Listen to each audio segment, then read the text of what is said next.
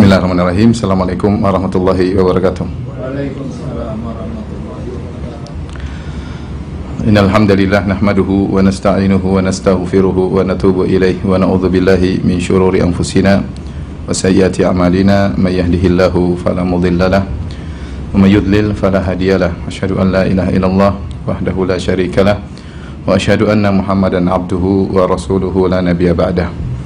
يا أيها الذين آمنوا اتقوا الله حق تقاته ولا تموتن إلا وأنتم مسلمون فإن أصدق الحديث كتاب الله وخير الهدى هدى محمد صلى الله عليه وسلم وشر الأمور محدثاتها وكل محدثة بدعة وكل بدعة ضلالة وكل ضلالة في النار Ikhwan dan akhwat yang dirahmati oleh Allah Subhanahu wa taala, para pendengar, para pemirsa yang dirahmati oleh Allah Subhanahu wa taala. Uh, pada kesempatan kali ini kita akan membahas tentang permasalahan-permasalahan fikih yang terkait dengan uh, mewabahnya virus corona di berbagai negara dan juga di negara kita terkhususnya di kota Jakarta ya. Tentu ada hal-hal yang harus kita mengerti keterkaitan dengan tersebarnya wabah virus corona ini ya. Uh, di mana lagi apalagi WHO telah menyatakan bahwasanya virus corona atau COVID-19 ya telah meningkat derajat penyebarannya sehingga berubah dari tingkat wabah menjadi epidemi dan akhirnya sekarang menjadi pandemi ya yang artinya sudah tersebar secara internasional dan susah untuk dicegah ya karena sudah tersebar dengan uh, begitu cepat. Dan qadarullah ya uh, sudah banyak kasus lebih dari 100 ribu kasus dan ribuan yang sudah meninggal dunia. Ini bukan uh, perkara yang sepele dan qadarullah juga masuk ke negeri kita terutama di uh, Jakarta dan kita dengar setiap hari bertambah ya orang-orang jumlah yang terjangkiti terkena virus COVID-19 uh, tersebut. Maka ada beberapa hal yang perlu kita ketahui.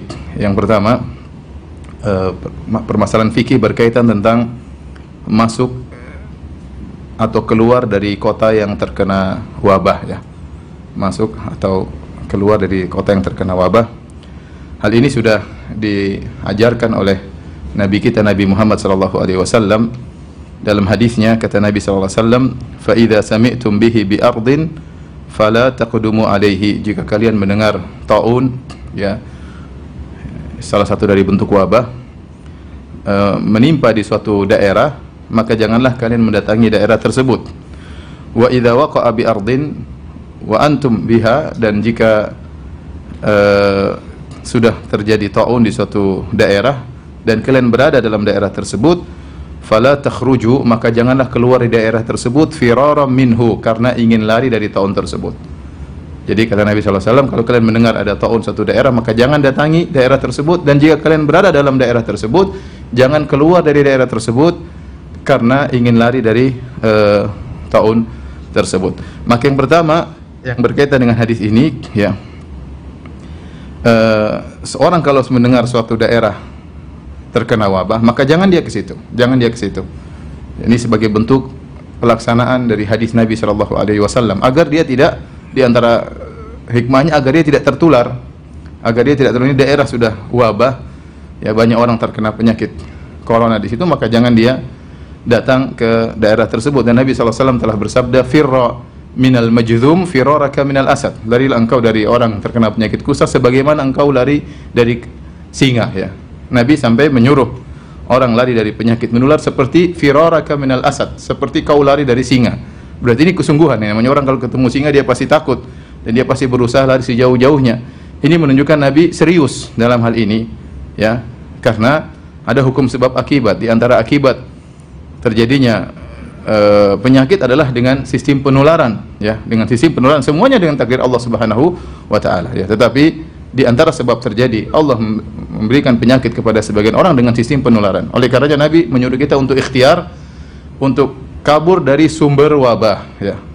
Firra minal majdhum firaraka minal asad. Kata Nabi larilah dari sumber penyakit tersebut sebagaimana kau lari dari singa. Ini menunjukkan serius tidak dianggap sepele. Nabi larang tidak boleh masuk dalam daerah uh, tersebut ya dan sesuai dengan uh, ayat-ayat dan hadis-hadis di antaranya Nabi di antaranya Allah Subhanahu wa taala berfirman, "Wala tulku bi aidikum ila tahlukah." Janganlah kalian uh, menjerumuskan diri kalian dalam kebinasaan ya. ya. Allah larang. Kalau kita tahu itu berbahaya, kalau kita tahu itu bisa menimbulkan kebinasaan, maka jangan ke areal tersebut ya. Ini yang pertama dari orang luar maka jangan masuk ke areal wabah ya. Dan kalau kita mau praktekkan uh, seperti sekarang, jika memang kondisi Jakarta sudah parah, ya sudah uh, pemerintah memandang atau pihak-pihak yang terkait yang uh, yang mengerti tentang akan hal ini memandang bahwasanya Jakarta sudah harus lockdown misalnya ya dan semisalnya maka tidak boleh ada orang datang ke sini. Orang luar jangan masuk ke sini. Ya, tidak boleh masuk ke areal sini.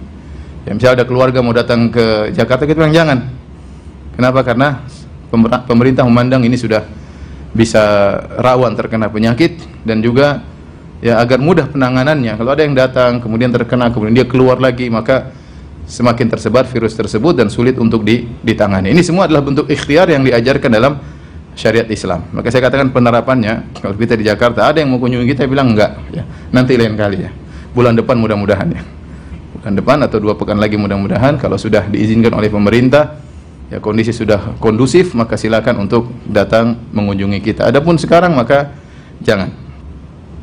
Kemudian eh, yang kedua, sebaliknya barang siapa yang berada dalam areal wabah tersebut, maka dia tidak boleh keluar dari lokasi tersebut ya. Fala takhruju firaran minhu. Kata Nabi, jangan kalian keluar dari areal tersebut karena ingin lari dari penyakit tersebut. Maka tidak boleh keluar dari areal wabah. Kita yang sudah berada di daerah yang dihukumi ya sumber wabah dan sudah mulai tersebar di berbagai tempat. Bahkan saya dengar di setiap kecamatan ada yang terkena penyakit corona ya. Maka jangan kita keluar dari daerah ini ya. Jangan keluar sebisa mungkin jangan keluar karena ada beberapa hikmah yang disebut oleh para ulama. Yang pertama yaitu agar tidak uh, memperluas uh, penularan yang pertama agar tidak memperluas penularan apalagi orang tersebut sudah kena penyakit ya. Yang sudah yang tidak kena penyakit saja yang belum difonis terjangkiti positif virus corona tidak boleh keluar apalagi yang sudah uh, difonis positif virus corona ya. Karena Nabi SAW bersabda la turidu al-mumridha al musih. Nabi SAW mengatakan jangan kalian membawa uh, onta yang sakit kepada onta yang sehat ya. ya. Karena kalau onta yang sakit dibawa ke areal onta yang sehat maka akan terjadi penularan. Maka demikian juga orang yang sudah uh, berada dalam area wabah yang mungkin dia sakit atau dia membawa virus corona tanpa dia sadari ya karena masa inkubasi butuh dua minggu ya maka jangan dia keluar ya jangan dia keluar karena bisa uh, mempengaruhi atau memperluas areal penularan virus COVID-19 ini hikmah yang pertama disebut oleh para ulama kenapa tidak boleh keluar dari areal wabah hikmah yang kedua ya disebut oleh para ulama ya kalau orang-orang yang sehat, ya, jadi pembicaranya bukan cuma orang yang sakit nggak boleh keluar, orang yang sehat juga nggak boleh keluar. Orang yang sehat juga nggak boleh keluar. Kalau semua yang sehat kabur dari daerah tersebut, ya, kemudian pergi meninggalkan daerah tersebut, yang kuat yang tidak tertular, maka lantas siapa yang mengurusi orang-orang yang sakit? Mereka butuh diperhatikan. Tatkala mereka sakit butuh diperhatikan, tatkala mereka meninggal dunia juga butuh diperhatikan, butuh disolatkan, butuh dikuburkan. Maka tidak boleh keluar. Ya. Yang kuat mengurusi yang yang eh, yang sakit ya. Kalau semuanya keluar maka akhirnya orang-orang yang sakit tidak ada yang uh, menangani.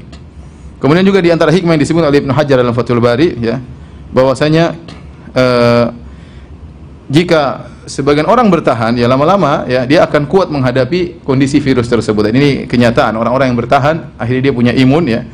Dia kuat hingga uh, dia bisa mengalahkan virus tersebut ya setelah mengalami ya tahapan-tahapan tentunya ya. Sehingga dengan kondisi yang sehat tadi dia bisa mengurusi e, orang-orang uh, yang masih sakit. Kemudian juga di antaranya hikmahnya kenapa tidak boleh keluar dikhawatirkan terjerumus dalam permasalahan akidah yaitu perkataan seandainya seandainya ya. Karena Nabi SAW melarang Nabi mengatakan ya bahwasanya jika seorang melakukan sesuatu ternyata tidak sesuai dengan keinginannya Fala taqul law anni fa'altu kadza lakana kadza wa kadza. Maka jangan dia berkatakan seandainya saya melakukan demikian tentu sudah begini begini. Fa inna law taftahu amal syaitan. Karena law seandainya seandainya akan membuka pintu syaitan. Kenapa orang yang keluar kemudian dia akhirnya selamat, seandainya dia selamat, dia akan berkata ya ya seandainya saya tidak keluar, saya tentu akan terkena penyakit. Ya, ini apa namanya? eh, dilarang ya. Dilarang.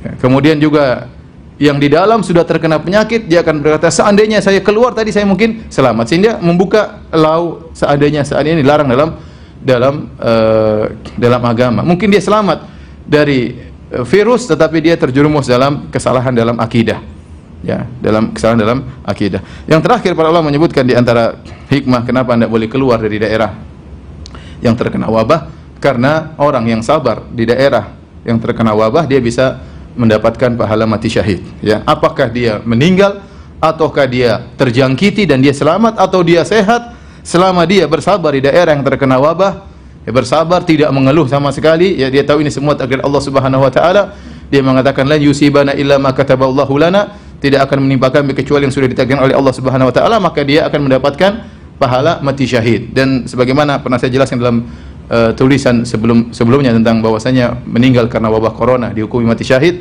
ya maka orang yang mendapatkan pahala mati syahid bukan cuma yang mati syahid ya. bahkan yang tidak mati syahid selama dia bersabar selama dia bersabar dia menerima takdir Allah Subhanahu wa taala tidak mengeluh sama sekali dia juga bisa mendapatkan pahala uh, mati syahid ya Ibnu Hajar Al-Haytami rahimahullah berkata anna ajra syahid innama yuktabu liman lam yakhruj min baladi taun. Sungguhnya pahala orang mati syahid hanyalah ditetapkan bagi orang yang tidak keluar dari daerah wabah.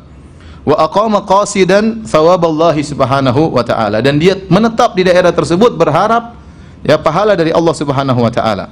Rajian sidqa wa'dihi dan dia berharap janji Allah Subhanahu wa taala. Arifan annahu in waqa'a lahu aw sarafahu anhu fahuwa bitakdirillahi dan dia ngerti dan dia sadar kalau dia terkena uh, penyakit itu takdir Allah Subhanahu wa taala, kalau dia terhindar dari wabah tersebut juga karena takdir Allah Subhanahu wa taala, ghairu mutadajjir bihi in waqa'a bihi dan jika dia terkena penyakit dia tidak mengeluh. Maka ini yang mendapatkan pahala mati syahid ya. Terlepas apakah dia meninggal atau tidak. Oleh karena sebenarnya virus ya atau wabah ini adalah musibah tapi dia juga ujian ya bagi orang yang bersabar menghadapinya ya uh, meyakini semua takdir Allah Subhanahu wa taala, tidak mengeluh ya dengan apa yang terjadi, maka dia bisa mendapatkan pahala uh, mati syahid. Bahkan Nabi sallallahu alaihi wasallam menghukumi orang yang keluar dari areal wabah karena ingin lari dari uh, virus tersebut dari wabah tersebut maka dihukumi dengan dosa besar seakan-akan dia lari dari uh, medan pertempuran. Kata Nabi SAW, Al-far minat ta'un, kalfar minat zahaf. Seorang yang lari dari uh, ta'un, dari wabah, seperti orang yang lari dari medan pertempuran. Dan lari dari medan pertempuran termasuk dosa besar. Ya, Nabi SAW mengatakan, Ishtanibu sab'am minal mubiqat. Ya, jauhilah dari tujuh dosa-dosa yang membinasakan. Rasulullah SAW sebutkan di antaranya, ya, al-firar minat zahaf yaitu lari dari medan pertempuran. Lari dari medan pertempuran. Oleh karenanya ini hukum syar'i. Kalau daerah kita sudah ya terkena difonis oleh pemerintah misalnya ini daerah wabah ya dan mulai tersebar wabah, kita nggak boleh keluar. Kita nggak boleh keluar ya. Kalau keluar karena takut penyakit tersebut, lari dari lari dari apa? Lari dari medan pertempuran. Dosa besar. Dosa besar ya. Bersabar kalau kita selamat ya dengan izin Allah kalau kita terkena dan kita sabar kita mendapatkan pahala uh, mati syahidnya. Tapi berikutnya yang dilarang lari dari lo lokasi wabah adalah jika dia keluar dari daerah wabah tersebut karena ingin menghindar dari penyakit. Karena ingin menghindar dari penyakit. Nabi SAW mengatakan firaran minhu yaitu dia fala takhruju firaran minhu. Jangan dia keluar dari daerah tersebut karena ingin kabur dari wabah tersebut. Tetapi kalau dia keluar karena ada keperluan lain, kata para ulama enggak mengapa. Contoh ternyata dia keluar misalnya kita di Jakarta terjadi wabah sudah di mana-mana. Kita keluar bukan karena ingin kabur dari uh, penyakit tapi karena ada keperluan misalnya menyenguk orang tua kek atau apa kek ya atau ada pekerjaan yang memang sudah dijadwalkan dan kita masih bisa keluar bukan karena takut dari penyakit ya maka tidak termasuk dalam larangan tersebut kata para ulama. Dan itu yang maha tahu hanyalah Allah Subhanahu wa taala. Ya kita keluar ya pingin kabur atau ya dengan cari-cari alasannya pingin kunjungi orang tua. Ternyata pingin apa? Kabur dari wabah maka ini tidak diperbolehkan oleh Nabi sallallahu alaihi wasallam ya. An-Nawawi berkata ammal khuruj li aridin fala ba'sa bihi. Adapun seorang keluar dari daerah wabah karena ada keperluan maka tidak mengapa ya. Wattafaqu ala jawazil khuruj bi syughlin wa gharadin ghairil firar dan Imam Nawawi rahimahullah berkata para ulama sepakat boleh seorang keluar dari daerah wabah ya karena ada keperluan ya atau karena pekerjaan selama bukan karena ingin lari dari penyakit. Kalau ingin lari dari virus, maka dia terjerumus dalam dosa besar. Baik. Hadirin dan hadirat yang rahmati Allah Subhanahu wa taala, uh, berikutnya jika ternyata jika ternyata wabah sudah merajalela tersebar di seluruh kota misalnya di, di Jakarta sudah jadi kota wabah. Di Bandung juga sudah jadi kota wabah. Sudah, di mana-mana orang sudah terkena wabah. Kata para ulama, maka tidak mengapa bolak-balik keluar masuk antara Jakarta dengan Bandung. Karena hukumnya sudah sama. Sama-sama kota apa? Wabah, ya. Tidak mengapa. Dia ada keperluan ke Jakarta, ke Bandung selama masih dua. Seandainya ternyata uh, tiga kota semuanya sudah dihukum sebagai kota wabah, ya. Pusat wabah, maka berpindah-pindah dari kota tersebut tidak jadi masalah, ya. Karena dia bukan lari, lari ke tempat yang sama juga terkena wabah, ya. Beda kalau dia pergi ke kota D yang ternyata tidak ada penyakit dalam rangka untuk lari dari wabah, maka ini yang diharamkan, ya. Oleh karenanya Ibnu Hajar Al-Haytami rahimahullah berkata, "Lau amma iqliman lam yahrumil khuruj min ba'dhi qurahu ila ba'dhin li'annahu la firara hina idin albattah." Seandainya uh, wabah sudah meliputi seluruh negeri, ya, maka tidak mengapa seorang berpindah dari satu kota ke kota yang lainnya dalam negeri tersebut karena sudah tidak dihukumi dengan kabur dari penyakit karena semuanya areal sudah penyakit ya. Makanya sekarang mungkin orang bertanya, Ustaz, bolehkah kita pergi dari Jakarta? Ya kalau ternyata kota kita sudah dihukumi sebagai kota sumber wabah, hukum asalnya nggak boleh, nggak boleh kita keluar. Kecuali tadi ada keperluan yang benar-benar keperluan bukan untuk lari dari penyakit. Misalnya, Ustaz saya ingin pergi ke pantai mana ya sama keluarga. Buat apa? Ya, ya buat melarikan diri ya nggak boleh.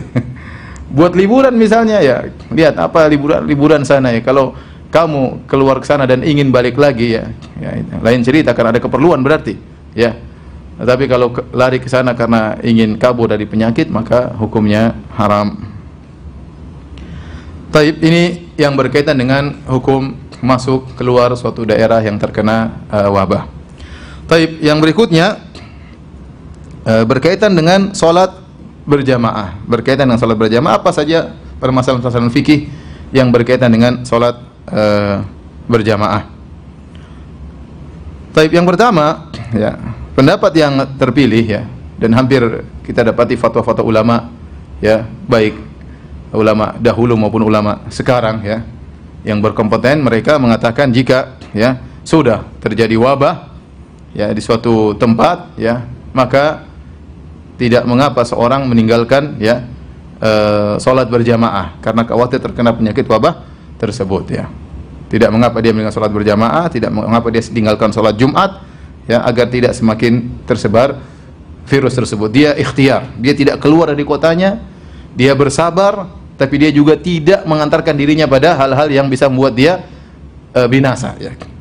Tidak sengaja kemudian tawakal saya pergi ke tempat pertemuan tawakal ya. Kalau Allah berkehendak saya kena penyakit. Kalau enggak enggak. Ya memang semua atas kehendak Allah. Tapi Nabi kan berkata firra minal majzum firaraka minal asad. Kaburlah engkau dari sumber penyakit ya sebagaimana lari dari apa? Singa. Maka segala hal yang bisa mengantarkan kita kepada uh, uh, penyakit maka kita jauhi. Dan sekarang para ahli kesehatan sudah mengatakan di antara tempat-tempat yang mudah terjadi penularan tempat-tempat keramaian. Tempat-tempat keramaian ya. Apalagi kita berdesak-desakan maka virus dengan mudah untuk untuk berpindah. Dan ini bukan suatu hal bukan suatu hal yang diduga-duga ya. Belum tentu belum tentu. Enggak kita sudah lihat kejadian mudarat yang benar-benar terjadi. Tatkala uh, tidak diindahkan hal ini maka terjadilah apa yang terjadi ya. ya terjadi dengan mudah cepat seperti di Wuhan ya karena ada acara uh, apa pertemuan ya hari raya atau apaan sehingga mudah sekali tersebar di antara mereka ya. Kemudian misalnya di Iran ya. Ya, mereka sok-sok tawakal ya kita lihat di video di YouTube mereka kita tawakal enggak apa-apa ke sini ya. Mereka kita tidak akan tetap saja kita akan ziarah ke kuburan wali-wali mereka dan mereka mengungkapkan hal itu di dalam YouTube. Jadi seakan-akan sudah kita tawakal, kita mau beribadah dengan dengan gaya mereka tentunya. Akhirnya ter, terjadi apa yang terjadi? Ya, tahu-tahu ratusan meninggal, ya, ribuan orang terkena ya. Jadi maksud saya kekhawatiran tersebut bukan kekhawatiran yang, yang mengada-ngada, bukan. Kekhawatiran yang benar-benar terjadi. Kalau kita lalai dan kita cuek aja, kita bilang nggak ada masalah, semuanya keluar. Apa yang terjadi? Maka penularan semakin semakin cepat dan kalau sudah penularan semakin cepat kita semakin sulit untuk menghadapi. Maksud saya sebagian orang mengatakan ah itu kan hanya kekhawatiran. Iya, itu kalau mungkin di kampung kamu. Tapi kalau di Jakarta, di Jakarta yang sudah dilihat oleh pemerintah, gubernur juga sudah bicara, emang mereka bicara omong kosong. Ya. Mereka bicara asal ngomong saja. Mereka sudah melihat hal ini harus dikerjakan supaya mudah menangani penularan virus yang begitu cepatnya luar luar biasa. Yang begitu cepatnya luar biasa. Sampai sebagian pejabat sudah sudah kena. Ya, maka jangan bilang ini hanya ah hanya ketakutan. Ini kenyataan bukan ketakutan ya. Bukan ketakutan. Maka kita disuruh untuk menghindar dari kemudaratan. Kata Nabi SAW, la darar wala dirar. Jangan seorang menjerumuskan diri dalam kemudaratan dan jangan beri kemudaratan kepada orang lain. Ya. Jangan beri kemudaratan kepada orang lain. Oleh karenanya, eh, pendapat yang benar ya bahwasanya ya, berdasarkan dalil-dalil seorang kalau khawatir terkena penyakit ya atau terkhawatir menularkan penyakit ya maka dia boleh tidak sholat Jumat dan tidak sholat berjamaah. Kita saja nggak tahu kita sedang berpenyakit atau tidak karena masa, masa inkubasi berapa? Dua, dua minggu. Katanya sekarang virusnya semakin jago, bisa jadi masa inkubasinya bisa lebih panjang. Loh kita kalau bisa jadi kita berpenyakit, kita sentuh orang, akhirnya kita beri mudarat kepada orang lain. Ya, kita tidak apa-apa, tapi dia apa-apa. Ternyata dia tua, kita sehat, virus tidak bisa melawan kita tapi orang tua ini akhirnya meninggal meninggal dunia. Makanya perlu kerjasama rame-rame antara penduduk Jakarta harus mengerti akan hal ini memikirkan dirinya dan memikirkan keluarganya dan memikirkan orang lain. Memikirkan orang-orang lain. Karena kalau sudah penularan sudah begitu luas maka rumah sakit tidak mampu untuk menangani. Sehingga akhirnya banyak akan meninggal dunia berdasarkan pengalaman yang ada yang sudah terjadi di negara-negara tetangga ya. Kemarin kasus seperti di Malaysia. Anda dapat berita bahwasanya banyak kejadian karena misalnya pertemuan di masjid. Bahkan ada berita datang kemudian sekelompok e, jamaah tertentu ya bikin pertemuan ya di satu masjid 56 orang akhirnya ketahuan kena apa? Kena corona dalam sekali pertemuan ya. Jadi bukan bukan apa namanya bukan perkara yang dianggap uh, sepele atau hanya sekedar menduga-duga kekhawatiran yang berlebihan. Bukan kekhawatiran berlebihan, ini kenyataan. Ini kenyataan. Taib. Adapun dalil-dalil menunjukkan bolehnya kita meninggalkan sholat berjamaah atau sholat Jumat. Kalau memang kondisinya sudah parah ya dan saya rasa Jakarta sudah berlaku karena Pak Anies sudah berbicara Pak Jokowi juga sudah apa berbicara ya untuk menganjurkan uh, ibadah di rumah. Berarti kondisi sudah mereka sudah lihat perlu untuk dilakukan. Di antaranya ya kita dapati bahwasanya uh, kewajiban berjamaah bisa gugur kalau ada hal-hal yang menghalangi. Contoh hujan kalau hujan kita boleh tidak pergi ke ke masjidnya. Contohnya angin kencang. Para ulama sudah buku fikih mereka. Contohnya seorang sakit, ya, seorang sakit. Ya. Dia tidak uh, pergi ke uh, ke masjid, ya. Bahkan wahal, becek, misalnya becek kemudian sulit ke masjid, maka tidak usah ke masjid. Kalau hujan saja boleh orang tidak ke masjid. Yang kalau kita kena hujan kita mati atau tidak? tidak mati kita tidak mati. Kalau kita keluar becek, baju kita kotor-kotor, kita mati enggak mati. Ya, itu saja bisa membuat orang untuk tidak sholat berjamaah. Apalagi penyakit yang ada, yang enggak kelihatan ya, tapi ada, yang bisa saja terkena eh, siapa pun ya dalam keramaian-keramaian tertentu ya. Maka kekhawatiran tersebut tidak mengapa membuat seorang boleh untuk tidak sholat uh, berjamaah. Di sini ada dua kaidah yang saya ingin saya sebutkan. Pertama, uzur yang membolehkan untuk tidak sholat berjamaah, itulah uzur yang membolehkan untuk tidak sholat Jumat. Uzurnya sama. Uzurnya sama. Jadi uzur yang membolehkan tidak sholat berjamaah, itulah uzur yang membolehkan untuk tidak sholat sholat Jumat. Ya. Uh, Dikatakan dalam buku Madhab Syafi'iyah, a'dzarun fi tarkil jamaah ya a'dzarun fi tarkil jum'ah. Uzur-uzur untuk meninggalkan salat berjamaah dialah uzur untuk meninggalkan salat Jumat. Ya, fala tajibul jum'atu ala khaifin ala nafsihi. Maka tidak wajib Jumatan bagi orang yang khawatir tentang dirinya. Khawatir dirinya terkena kemudaratan ya. Entah mungkin ada musuh, entah apa, takut terkena penyakit misalnya au malihi atau khawatir suatu keburukan menimpa menimpa hartanya Wala alaman fi tariqihi matar. Demikian juga orang yang jalan menuju masjid ada hujan, maka tidak mengapa dia salat di rumah, tidak harus salat Jumat dan tidak harus salat apa? Salat berjamaah. Wala alaman lahu maridun yakhafu daya'ahu. Demikian juga seorang yang sedang ngurusi orang sakit, dia khawatir salat Jumat nanti orang ini bisa tambah parah penyakitnya atau meninggal atau yang lainnya, maka tidak perlu dia salat salat Jumat. Ini yang pertama. Jadi uzur yang boleh membuat kita meninggalkan salat berjamaah itulah uzur yang bolehkan kita untuk meninggalkan salat Jumat. Dua hal yang satu pembahasan. Kemudian kaidah yang kedua, uzur-uzur tersebut dikiaskan oleh para ulama. Datang dalam sebagian sebagian hadis misalnya karena hujan ya. Tetapi para ulama mengumumkan, kenapa kita tidak ke masjid karena hujan? Karena masyaqqah syadidah, karena ada sesuatu yang memberatkan. Kita keluar basah kuyup misalnya, ya sudah nggak usah sholat berjamaah. Ya, ternyata ilah ini sebab ini untuk meninggalkan sholat berjamaah bukan hanya pada masalah hujan, tapi diumumkan oleh para ulama, dikiaskan dengan sebab-sebab yang lain ya. Ini karenanya Nawawi berkata, "Inna babal a'dzar fi tarkil jum'ah wal jama'ati laisa makhsusan." Bahwasanya uzur-uzur untuk meninggalkan salat Jumat dan untuk meninggalkan salat berjamaah bukan uzur yang khusus, bal kullu ma lahiqa bihi masyaqqatan syadidatan fahuwa uzrun. Bahkan semua perkara yang bisa menimbulkan kesulitan ya maka itu adalah uzur untuk meninggalkan salat berjamaah untuk meninggalkan salat Jumat. Kemudian beliau berkata wal wahalu min hadha. Di antaranya becek ya. Itu di antara uzur yang bolehkan seorang untuk meninggalkan uh, salat berjamaat dan salat Jumat. Maka ya kalau hujan saja bisa jadi uzur ya. Kalau becek saja kalau kita lihat misalnya sendal kita penuh dengan becek, kotor itu saja bisa menjadikan uzur apalagi penyakit yang bukan penyakit biasa ini penyakit yang bisa menimbulkan apa? Kematian. Bukan hanya penyakit yang menimpa kita. Kalau sudah menimpa kita, menimpa keluarga keluarga kita. Bukan hanya menimpa keluarga kita. Kalau kita tidak sadar, ternyata kita bawa virus menimpa bisa orang sekitar sekitar kita orang kampung yang mungkin ya kita akhirnya karena kita tidak perhatian akhirnya kita menularkan penyakit kita kepada kepada dia kasihan ya oleh karenanya uh, ini tidak mengapa dengan sebab kekhawatiran terkena virus corona maka boleh seorang meninggalkan sholat berjamaah dan sholat Jumat. Di Al-Mardawi, salah seorang ulama dari madhab Hambali dalam kitabnya Al-Insaf, beliau berkata, ini nas dari para ulama. Ulama berkata, wa yu'dharu fi tarkil jum'ah wal jama'ati al-marid.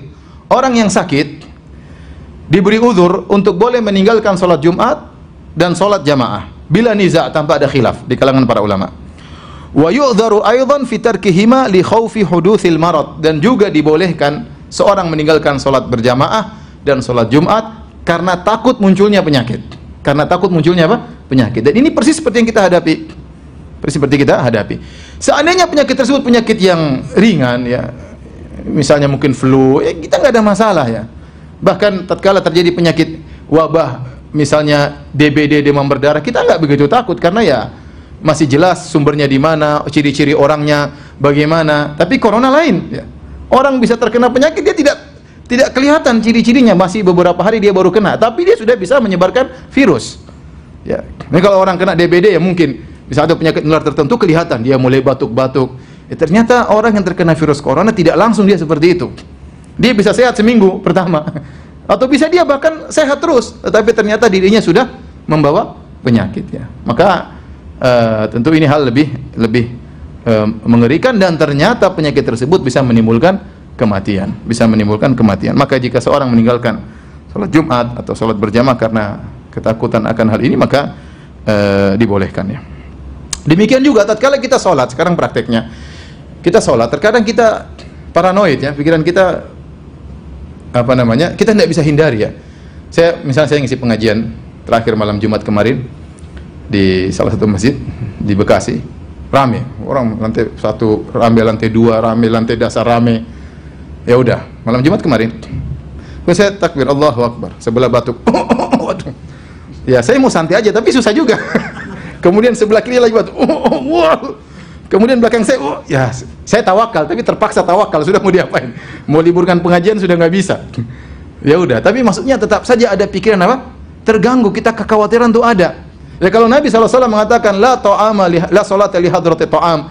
Tidak ada solat berjamaah kalau makanan sudah hadir. Kenapa? Karena khawatir tidak khusyuk. Makan dulu kata Nabi SAW. Walau wa yudafil akhbathan orang yang menahan buang air besar, buang air kecil, buang menahan angin maka tidak ada solat berjamaah baginya suruh buang hajat dulu kenapa tidak ada solat bagi, berjamaah baginya karena dia khawatir apa terganggu pikirannya terganggu tidak khusyuk apalagi kemudian kita solat was-was dalam diri kita ya, was-was dalam syariat tidak membani kita untuk seperti ini untuk kemudian nekat ya.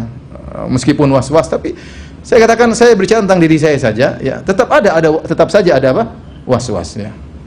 Sebelumnya ya sekitar empat minggu yang lalu saya pergi ke Singapura ya. Sudah ada orang terkena virus. Saya pergi ke Johor. Sudah ada orang kena virus corona di sana.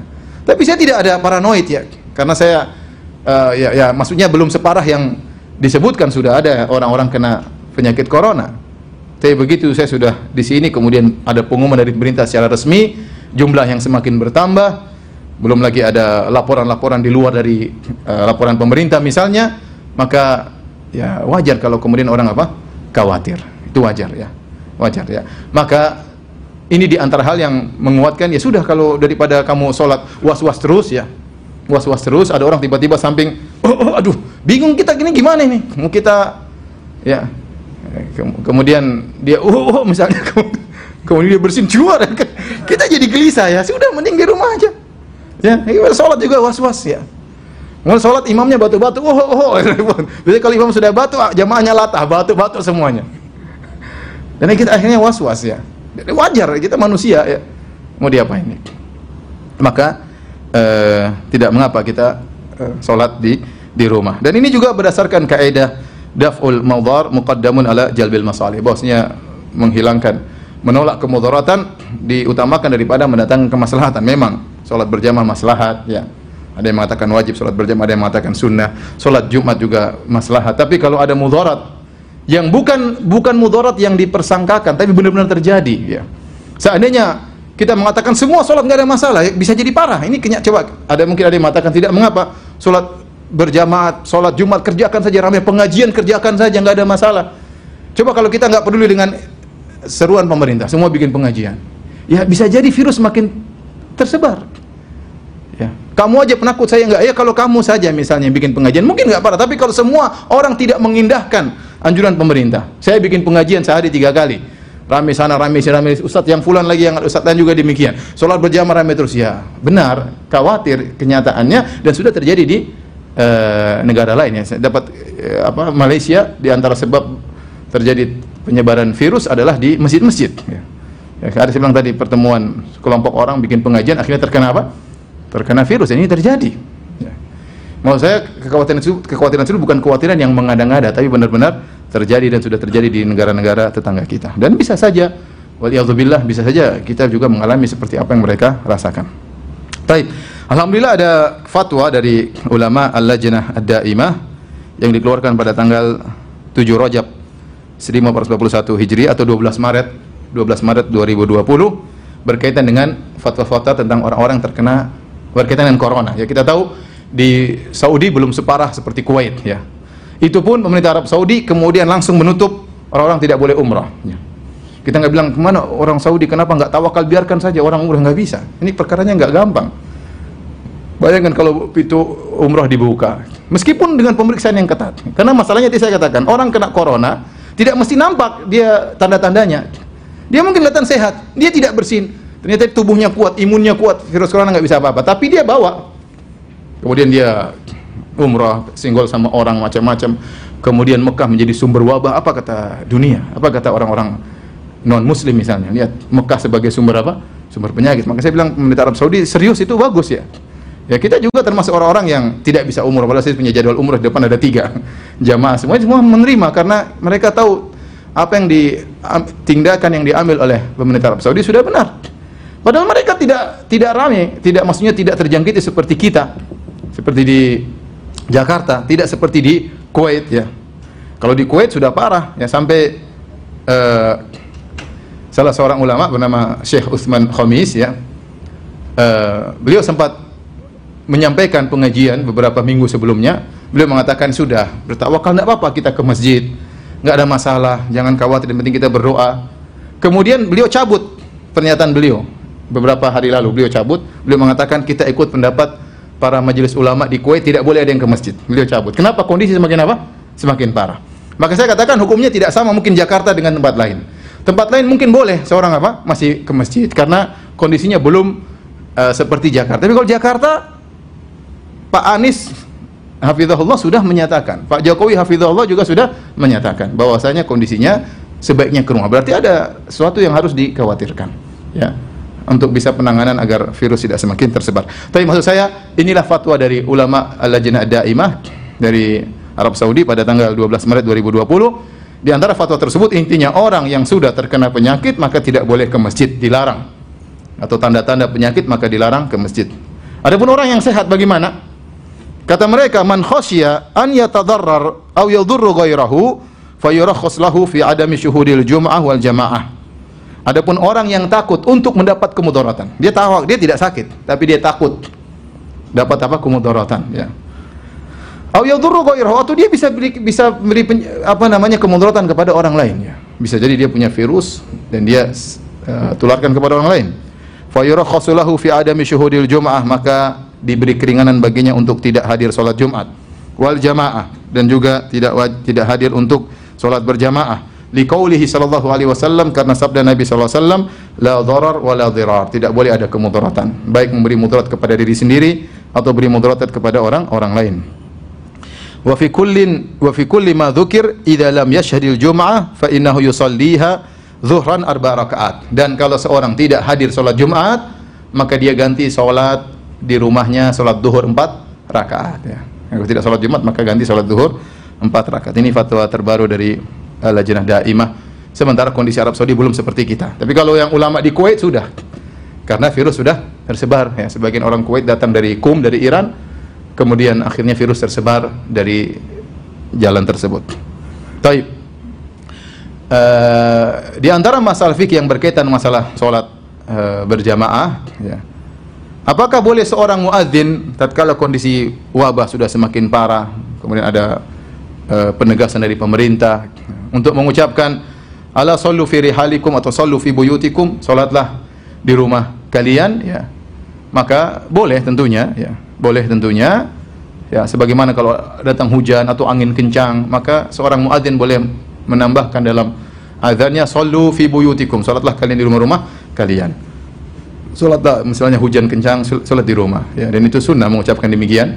Demikian angin kencang atau sesuatu yang berbahaya sallu fi buyutikum. Salatlah di rumah-rumah kalian ya. Maka demikian juga kalau sudah wabah dikhawatirkan ya dengan berkumpul di masjid bisa menimbulkan perkumpulan apa pun ya. Mau di masjid mau di mana pun ya. Uh, bisa menimbulkan penularan penularan maka tidak mengapa seorang muadzin mengucapkan sallu fi buyutikum. Saya ingatkan lagi bahwa ini uh, hukum berbeda satu kota dengan kota yang lainnya. Mungkin misalnya kota kota di mana di Lombok ya tentu tidak sama Jakarta. Mereka belum belum apa-apa. Silakan jalankan kegiatan seperti biasanya ya. ya. Karena yang bisa menentukan itu parah atau tidak pemerintah. Ya mereka yang punya punya peralatan dan punya uh, sistem untuk mengetahui ini sudah pada tingkatan berbahaya atau tidak, perlu melarang masyarakat untuk berkumpul atau tidak.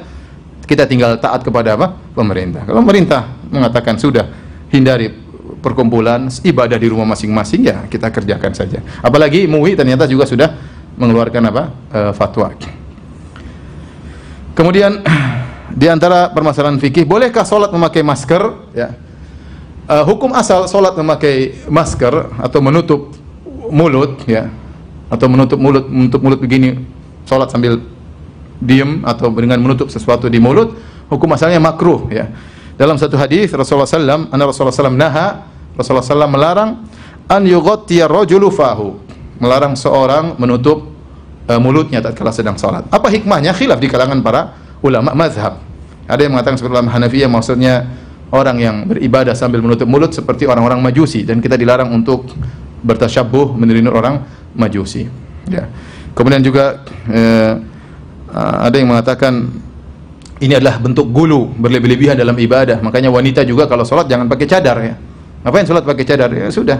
Kalau sholat buka cadarnya kecuali di di depan para lelaki yang bukan mahramnya dia boleh sholat pakai cadar karena ada ke keperluan. Tapi kalau di rumah nggak, nggak, jangan pakai cadar. Bentuk gulu fiddin berlebih-lebihan ekstrim dalam beragama. Sebagian ulama lagi mengatakan uh, sholat sambil menutup wajah adalah bentuk takabur, kesombongan. Intinya ini ilah sebab yang disebut oleh para ulama ada tiga selama saya baca tadi.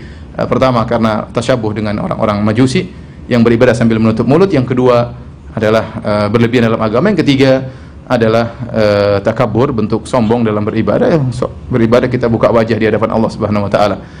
Tapi para ulama empat mazhab mengatakan hukumnya makruh. Kalau seorang sholat tutup mulutnya, sholatnya tetap sah dan dia melakukan suatu hal yang makruh.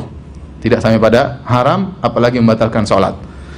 Tetapi kalau ada keperluan, maka tidak mengapa seorang sholat sambil menutup mulutnya. Di antaranya disebutkan oleh banyak ulama, di antaranya Al-Khattabi, misalnya seorang uh, tatkala dia menguap, maka dia boleh tutup mulut. Kan sunahnya seorang menguap tutup apa? Mulut. Dalam sholat dia menguap dia tutup mulut. Boleh, boleh karena ada keperluan. Kemudian juga ulama yang lain menyebutkan di antara keperluan misalnya seorang bekerja pekerjaannya membutuhkan tutup mulut, ya. Dia tidak lepas setelah dia bekerja mungkin ada apa-apa atau dia uh, pekerjaannya di tengah di tengah padang pasir yang debu sana sini maka dia sholat sambil tutup mulutnya, tutup hidungnya nggak ada masalah. Eh, demikian juga karena penyakit, baik khawatir terkena virus atau khawatir menularkan virus, maka tidak ada masalah seorang sholat sambil uh, menutup uh, mulutnya atau menutup hidungnya. Hukum asalnya makruh, tetapi kalau ada kebutuhan maka hilang kemakruhan tersebut. Kemudian masalah berikutnya hukum kunut nazilah di saat wabah menyebar.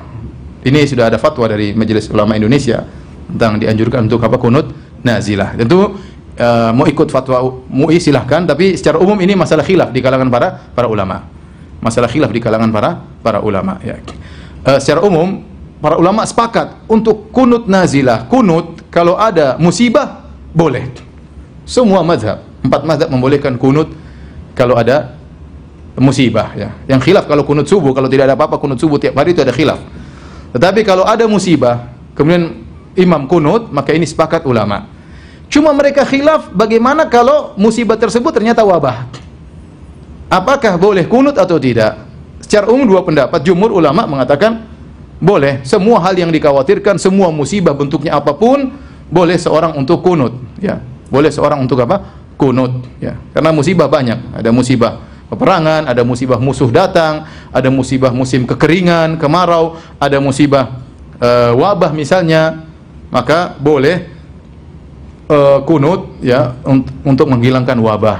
Adapun madhab Hambali, madhab Hambali sebagaimana uh, dikatakan oleh Al-Bahuti ya, dia mengatakan la yaknut li raf'il waba fil azhar. Bahwasanya tidak kunut ya gara-gara untuk menghilangkan wabah menurut pendapat yang kuat. Li'annahu lam yathbutil qunut bihi lam yathbut al-qunut fi ta'un amwas wala fi ghairihi wa li'annahu syahadatun lil akhyar wala yus'alu raf'uhu. Kata beliau kenapa? Karena tidak ada dalil para sahabat tatkala tertimpa taun ya, kemudian mereka taun amwas ini taun yang terjadi pada abad 18 Hijriah di salah satu daerah di negeri Syam suatu kota disebut Amwas sehingga dinisbahkanlah nama taun tersebut wabah tersebut kepada kota tadi ya. Para sahabat tidak melakukan kunut ya. Ya. Saya cerita tentang taun Amwas ini. Taun Amwas ini terjadi di zaman khalifah uh, Umar bin Khattab radhiyallahu anhu tatkala menjadi khalifah abad 18 Hijriah. Ketika itu yang menjadi gubernur di negeri Syam adalah Abu Ubaidah bin Al-Jarrah sahabat radhiyallahu anhu yang termasuk dari al-asyrah al-mubasysyirina bil jannah. 10 orang sahabat yang jin masuk surga. Di antaranya Abu Ubaidah bin Jarrah radhiyallahu taala anhu. Dia jadi gubernur. Ketika itu terjadi wabah taun di negeri Syam, ya. Maka Umar menulis surat Umar khalifah menulis surat kepada Abu Ubaidah bin Jarrah ya, agar membuat orang-orang naik ke atas. Jangan menetap di daerah bawah karena wabah bisa semakin tersebar. Suruh naik ke gunung-gunung ya. Bahkan Umar menyuruh dia datang ke Madinah ya. Tetapi Abu Ubaidah tidak mau. Dia tidak mau. Dia tidak menjalankan perintah Umar. Bahkan dia belum terkena wabah dia berdoa. Ya sungguhnya ini wabah ya. Dan dia berkata as'alullah an yuksim uh, minhu li hadzan li. Ya. Kata dia ya aku aku berdoa kepada Allah agar aku terkena wabah tersebut. Karena ini adalah mati syahid. Dan dia kena wabah akhirnya Abu Ubaidah bin Jarrah meninggal dunia. Kemudian digantilah dengan gubernur berikutnya Muaz bin Jabal radhiyallahu anhu sahabat yang mulia juga. Kemudian terkena wabah lagi. Sama daerah tersebut di negeri Syam terkena wabah. Maka Muaz bin Jabal sama dia berdoa dia khutbah di hadapan rakyatnya di hadapan orang-orang. Dia berkata aku berdoa kepada Allah agar wabah ini mengenaiku dan mengenai keluargaku. Dan ternyata dia kena wabah. Saya ingin ingin apa? Mati? Mati syahid dia kena wabah dan kemudian kena dua istrinya juga kena anaknya juga kena sampai disebutkan sebelum dia meninggal dia melihat tangannya dia mengatakan aku ingin keluar dari dunia tanpa ada sedikit pun dunia di tanganku dan akhirnya meninggal dunia Kemudian diganti dengan gubernur yang ketiga Amr bin As radhiyallahu taala anhu. Amr bin As radhiyallahu anhu ketika datang wabah, dia punya sikap yang lain. Dia sama dengan Umar bin Khattab radhiyallahu anhu, maka dia menyuruh para orang-orang masyarakat untuk naik ke gunung-gunung, ya. Dia mengatakan sungguhnya wabah ini yash'il isti'alan nar, bahwasanya wabah ini menyala seperti nyala api. Pergilah kalian ke gunung-gunung. Ya, ke gunung-gunung agar wabah tidak mengenai. Ini mereka naik ke gunung, mereka tidak ke kota yang lain, tapi menghindar ke gunung-gunung akhirnya wabah tersebut diangkat oleh Allah Subhanahu wa taala dan kabar ini sampai kepada Umar bin Khattab dan Umar tidak mengingkari. Artinya Umar membenarkan perbuatan siapa? Uh, siapa? Amr bin As radhiyallahu taala anhu.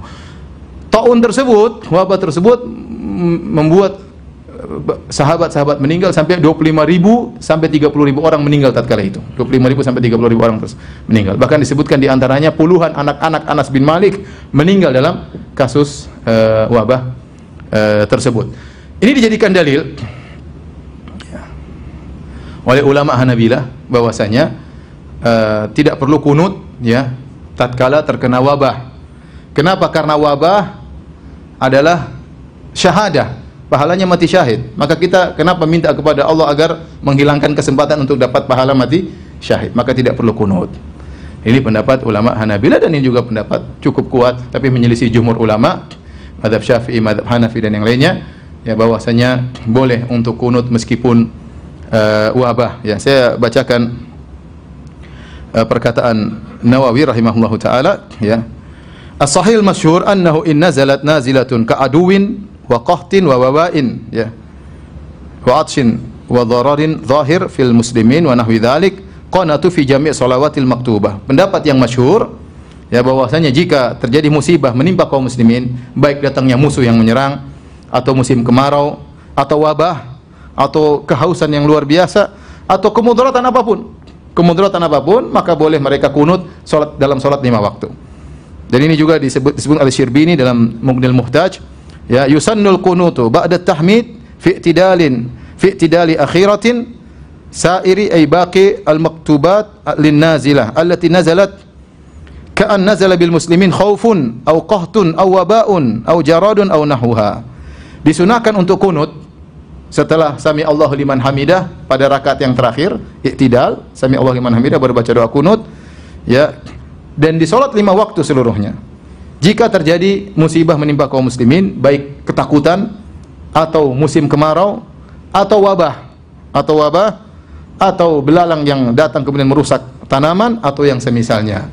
Ini pendapat jumhur ulama. Oh, alam bisawab saya lebih condong pada pendapat jumhur ulama. Ini yang difatwakan oleh MUI Indonesia bahwasanya tidak mengapa kita uh, kunut nazilah dalam rangka mengangkat wabah ya. Meskipun itu adalah sebab untuk mati syahid. Sama, mereka sepakat Empat madhab sepakat. Kalau ada musuh datang menyerang, boleh kunut nggak?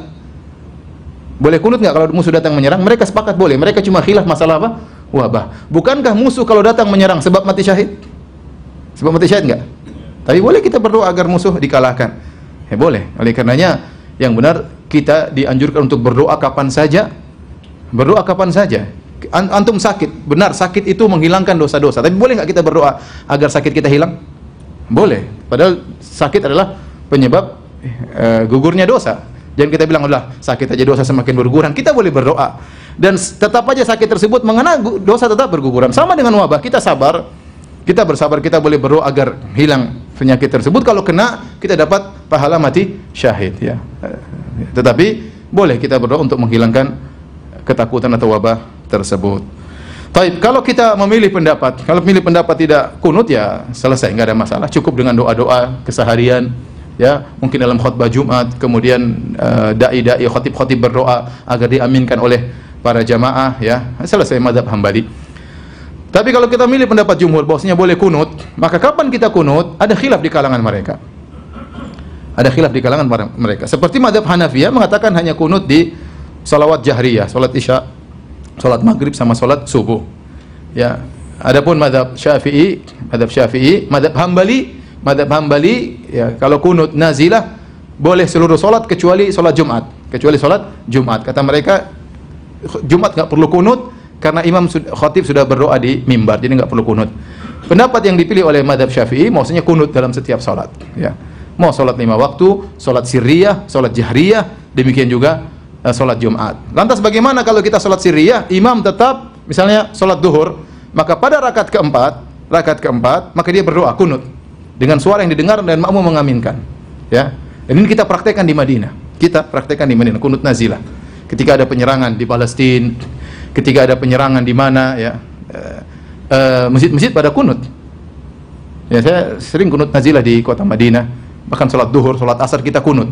Ya, kita kunut mendoakan saudara-saudara kita yang uh, sedang ditimpa dengan musibah meskipun tidak diekspos tapi demikianlah praktek masyarakat di Madinah seperti itu ya kalau ada musibah besar maka mereka kunut lima waktu ya, kunut sholat duhur kunut sholat asar bukan cuma sholat sholat subuh baik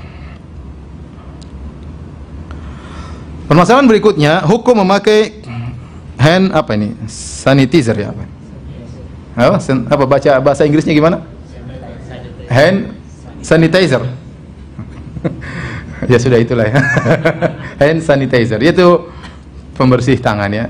Masalahnya, pembersih tangan hand sanitizer itu mengandung alkohol 60% atau 70%. Nah, apakah kalau kita sudah pakai hand sanitizer, kita mau sholat perlu dicuci ataukah sholat wudhu kita batal? Jawabannya tidak ya wudhu tidak batal dan tidak perlu dicuci langsung sholat nggak ada masalah ya karena uh, hand sanitizer bukan khamar khamar bukan alkohol pendapat yang benar tidak semua alkohol itu apa khamar. Khamar itu suatu yang dicampur dengan alkohol sekian persen yang bisa menimbulkan apa? Mabuk. Itu namanya khamar minuman. Itu pun diharamkannya untuk diminum. Adapun jika terkena tubuh pendapat yang benar dia bukan najis. Tinggal dibersihkan ini bukan najis. Ya. ya. banyak orang salah paham. Mereka menyangka kalau seorang menyentuh najis wudhunya batal. Seperti ibu-ibu yang kemudian mencebok anaknya. Dia menyangka bahwasanya wudhunya batal. Padahal tidak. Bukan pembat, bukan pembatal wudhu menyentuh najis kalau ada keperluan menyentuh najis maka tinggal kita cuci tangan kita dan wudhu kita tidak batal. Itu kalau perkara najis. Apalagi tidak najis.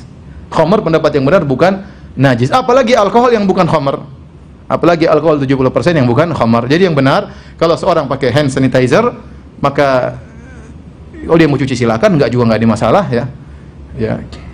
Enggak ada masalah dan tidak perlu dia berwudu ulang dan tidak perlu dia uh, cuci tangannya untuk langsung sholat. Karena itu tidak mengapa dan tidak membatalkan wudu. Kemudian di antara hal yang berkaitan dengan uh, sholat berjamaah, ya, maka tidak mengapa seorang, ya, kalau memang kondisi masih bisa, suatu kondisi wabah tidak begitu parah, pemerintah masih belum melarang untuk pergi ke masjid-masjid masih silakan ke masjid ya. Ini setiap kota berbeda tergantung tingkat uh, penyebaran wabah. Maka tidak mengapa sholat di masjid ya.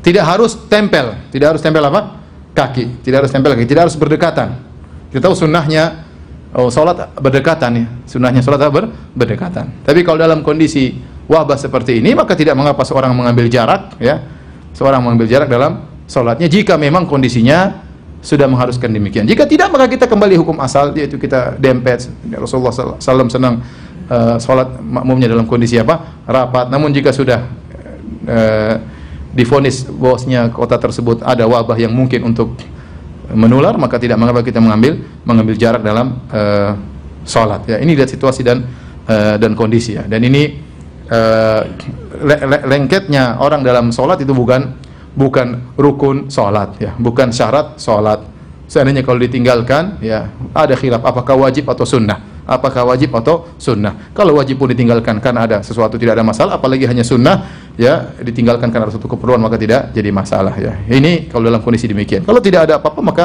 kita kembali kepada hukum asal kita sholat dalam kondisi merapatkan saf. Kemudian yang terakhir tentunya kita mengurangi kegiatan ya yang di situ ada pertemuan banyak orang ya karena virus corona ini penyebarannya luar luar biasa dan sangat cepat ya dengan sangat cepat. Orang ikut rapat satu ruangan bisa kena semua ya. Ya sangat mudah. Ini tidak tidak ada yang mengingkari akan akan hal ini ya. Oleh karenanya segala hal yang memungkinkan timbul uh, pertemuan maka kita hindari kecuali benar-benar di screening, kita sudah saling mengenal ya, maka tidak mengapa ya dan apa namanya tidak harus kita berjabat tangan ya ketemu ya sudah tidak perlu kita salam begini nggak perlu ya nggak perlu kita salam kaki nggak perlu nggak perlu kita salam nggak perlu udah kita salam mulut aja sudah cukup ya salam mulut itu yang diutamakan doa assalamualaikum ini doa semoga engkau selamat semoga saya selamat dari virus corona Ya, kita berdoa, Assalamualaikum warahmatullahi wabarakatuh. Biasanya kita hanya sekedar mengucap, kali ini kita mengucap sambil kita niatkan kita doain kawan kita ya. Assalamualaikum warahmatullahi wabarakatuh. Dan dia juga jawab dengan serius. Waalaikumsalam warahmatullahi wabarakatuh. Semoga Allah memberikan kau keselamatan. Di antaranya keselamatan dari virus corona ya. Adapun jabat tangan sunnah, kalau ternyata tidak bisa dilakukan maka tidak uh, tidak mengapa ya. Ditinggalkan karena ada kekhawatiran dan yang lainnya. Tapi di akhir pengajian saya ingin sampaikan bahwasanya ya Tentu ini hal yang menyedihkan bagi kita semua. Ya, siapa yang tidak siapa yang tidak ingin sholat di masjid berjamaah? Siapa yang tidak ingin dapat pahala 27 kali lipat? Saya sedih, pengajian saya libur semua, ya. Ya semua orang sedih. Ya. Saya tidak bisa umrah. Ya tiga grup jamaah saya semua, ya jamaah pertama 90 orang, yang kedua sampai 400 orang ya, gagal gagal semua ya. Yang ketiga Allah alam bisa berangkat atau tidak, ada lima, hampir 60 orang. Ya, saya juga pingin, saya juga pingin tawaf, saya juga ingin berdoa di Masjid Nabawi, saya juga ingin berdoa di depan Ka'bah. Semuanya sedih. Pengajian saja libur, saya pun sedih. Tapi bagaimana lagi ya?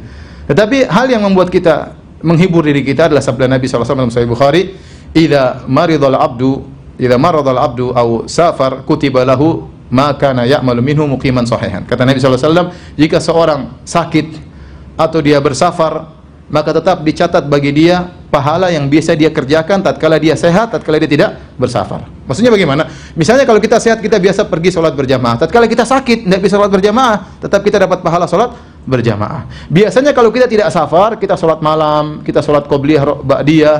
Tatkala kita safar, nggak sempat kita sholat malam, nggak sholat qobliyah dan ba'diyah. Tetap saja kita dapat pahala, seakan-akan kita sedang sholat malam, seakan-akan kita qobliyah dan ba'diyah. Maka saya katakan, orang yang kebiasaannya sholat berjamaah di masjid, yang kebiasaannya uh, sholat uh, Jumat, yang kebiasaannya hadiri pengajian, ya, yang biasanya kalau ketemu dengan kawan-kawan berjabat tangan dengan penuh kemesraan, maka mudah-mudahan pahala mereka terus mengalir, ya. Pahala mereka terus mengalir. Dan kita mudah-mudahan cuma libur dua minggu atau maksimal satu bulan, mudah-mudahan. Kalau kita bekerja sama rame-rame, ini bisa dihadapi dan tidak dengan izin Allah tidak berkepanjangan. Tapi kalau kita semua cuek, sehingga penularan semakin berpindah-pindah sehingga tidak bisa kita batasi dua minggu. Karena yang kalau kita tidak akhirnya ada yang baru kena lagi butuh dua minggu lagi dia. Ada yang kena lagi setelah dua minggu butuh lagi dua minggu akhirnya berkepanjangan. Akhirnya berkepanjangan. Tapi kalau kita rame-rame berusaha menjalankan uh, arahan dari pemerintah ya, insya Allah mereka serius ya tidak ini berdasarkan data-data yang mereka miliki ya maka mudah-mudahan dalam dua minggu tiga minggu sebulan ya kegiatan kita yang sekarang kita liburkan ya kebahagiaan yang biasanya kita rasakan ya bisa kembali lagi, bisa kembali lagi ya. Dan ini adalah ujian dari Allah Subhanahu wa taala. Kita ingat kepada Allah Subhanahu wa taala, "Wala nabluwannakum bi syai'in khaufi wal ju'i wa wa thamarat sabirin." Kata Allah, sungguh kami akan menguji kalian dengan sedikit ya, kurangnya harta, kurangnya uh, hasil bumi, buah-buahan, meninggalnya sebagian uh, orang-orang uh, yang dicintai ya. Sedikit ujian tidak tidak banyak maka wasyirus sabirin berilah kabar gembira kepada orang-orang yang uh, sabar. Maka di akhir pengajian ini saya ingatkan kepada diri saya sendiri sebagai pemateri dan juga kepada para pemirsa sekalian untuk uh, bertakwa kepada Allah Subhanahu wa taala. Uh, silakan ya. Selain kita berusaha ikhtiar dengan sebab duniawi materi ya dengan menghindari tempat-tempat keramaian kemudian juga dengan menggunakan hand sanitizer misalnya dan hal yang lain tidak berjabat tangan. Uh, jangan lupa sebab paling utama adalah sebab ukhrawi yaitu berdoa. Jangan lupa doa zikir pagi petang kemudian doa-doa spesial tentang corona atau penyakit seperti Allahumma inni a'udzubika ya min sayyi'il asqam. Ya Allah aku berlindung kepada engkau dari apa? Sayyi'il asqam penyakit-penyakit yang buruk ya. Seperti Allahumma inni a'udzubika min munkaratil akhlaq wal a'mal wal ahwa wal adwa. Ya Allah aku berlindung kepada engkau dari munkaratil adwa dari penyakit-penyakit yang mungkar yaitu yang mengerikan yang tidak biasanya ya seperti wabah dan yang lainnya ya. Kemudian juga doanya di antaranya Allahumma inni a'udzubika ya min uh, ya Allah aku berlindung kepada Engkau min zawali ni'matik wa tahawul afiyatik uh, wa fuji'ata nikmatik wa jami'i sakhatik. Yang artinya Allah aku berlindung kepada Engkau dari uh, hilangnya kenikmatan yang kau berikan kepadaku. Kenikmatan sehat, kenikmatan. Wa tahawul afiyatik dan aku berlindung kepada Engkau dari perubahan sehat menjadi apa? Sakit ya. Kita berlindung kepada. Ini di antara doa-doa khusus spesial selain zikir dan pagi dan petang untuk bisa menyelamatkan kita dari corona dan jangan lupa silakan baca tulisan Syekh Abdul Razak hafizahullah taala tentang 10 sebab untuk terhindar dari corona. Di antaranya kita bertakwa kepada Allah. Sungguhnya ya apa pun yang terjadi kalau kita qadarullah ternyata la qadarullah ternyata kita terkena penyakit corona, kita bersabar kemudian meninggal toh mati syahid. Lihat para sahabat tadi, bahkan mereka ingin meninggal karena apa? Penyakit wabah ya. Ya. Kita tidak kita tidak iman seperti mereka mungkin. tidak berdoa ya Allah kenakanlah aku corona. Kita enggak enggak seperti mereka ya. ya. Tetapi kalaupun terkena kita bersabar ya. Kita enggak tahu kalau kita hidup lebih panjang apakah kebaikan yang kita lakukan atau kemaksiatan yang kita lakukan. Maka apa pun yang terjadi, apa kita sehat ataukah kita terkena penyakit, kita bersabar kepada Allah Subhanahu wa taala dan jangan menggampangkan masalah-masalah ini kemudian meremehkan ya oh tenang penyakit ini nggak bisa kena Indonesia. Indonesia orangnya kuat-kuat misalnya ya. Jangan karena kita sudah makan beras misalnya atau apakah makan pete makanya kita nggak bakalan kena. Nggak usah gitu-gitu serahkan kepada Allah ya. Nggak usah kita sesumbar. Sesumbar akhirnya terjadi apa yang terjadi? Bahkan pejabat pun kena ya. Berarti kondisinya bukan sepele ya. Kalau pejabat udah kena ya, kemungkinan memang bisa juga kena ya. Ini saja mungkin Allah alam yang bisa sampaikan. Ada yang bertanya saya persilahkan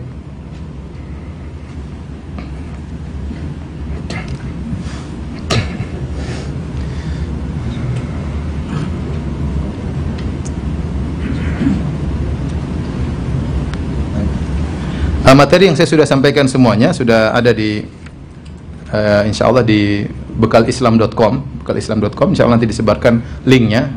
Apa yang saya sampaikan semuanya sudah ada di situ tinggal bisa dibaca kembali.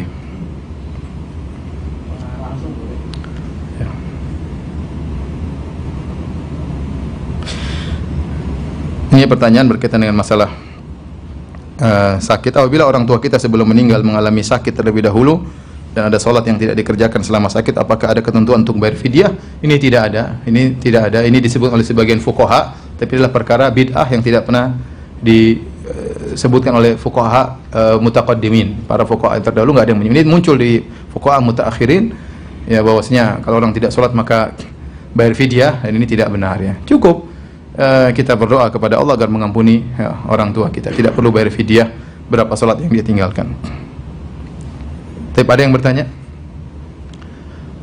Kalau tidak ada maka eh, ada. Lagi ditulis. Kalau nggak bisa nggak ada pertanyaan jangan dipaksa bertanya.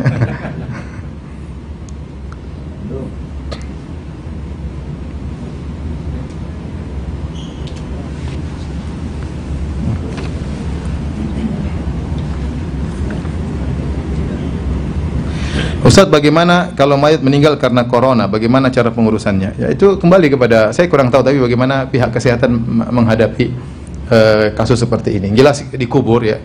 Bukan dibakar ya. Jelas siapa di dikubur. Mungkin perlu penanganan khusus misalnya dimasukkan dalam uh, plastik tertentu atau apa. Nggak ada masalah ini darurat semuanya ya. Darurat semuanya ya kemudian di uh, kalau sudah disterilkan ya atau bagaimana ya kita tetap sholatkan ya, dia butuh doa untuk kita doakan ya Intinya ini perlu pembahasan khusus ya. Saya, saya sampai sekarang saya tidak tahu bagaimana uh, apa yang terjadi pada orang terkena corona bagaimana mayatnya sejauh mana mayat tersebut masih memiliki penularan apa bisa ditangani dengan cara tertentu saya tidak tahu ini uh, dokter mungkin yang lebih tahu ya. Di, di balik itu tentu ada fikih tersendiri. Allah alam bisawab. Ada lagi yang bertanya?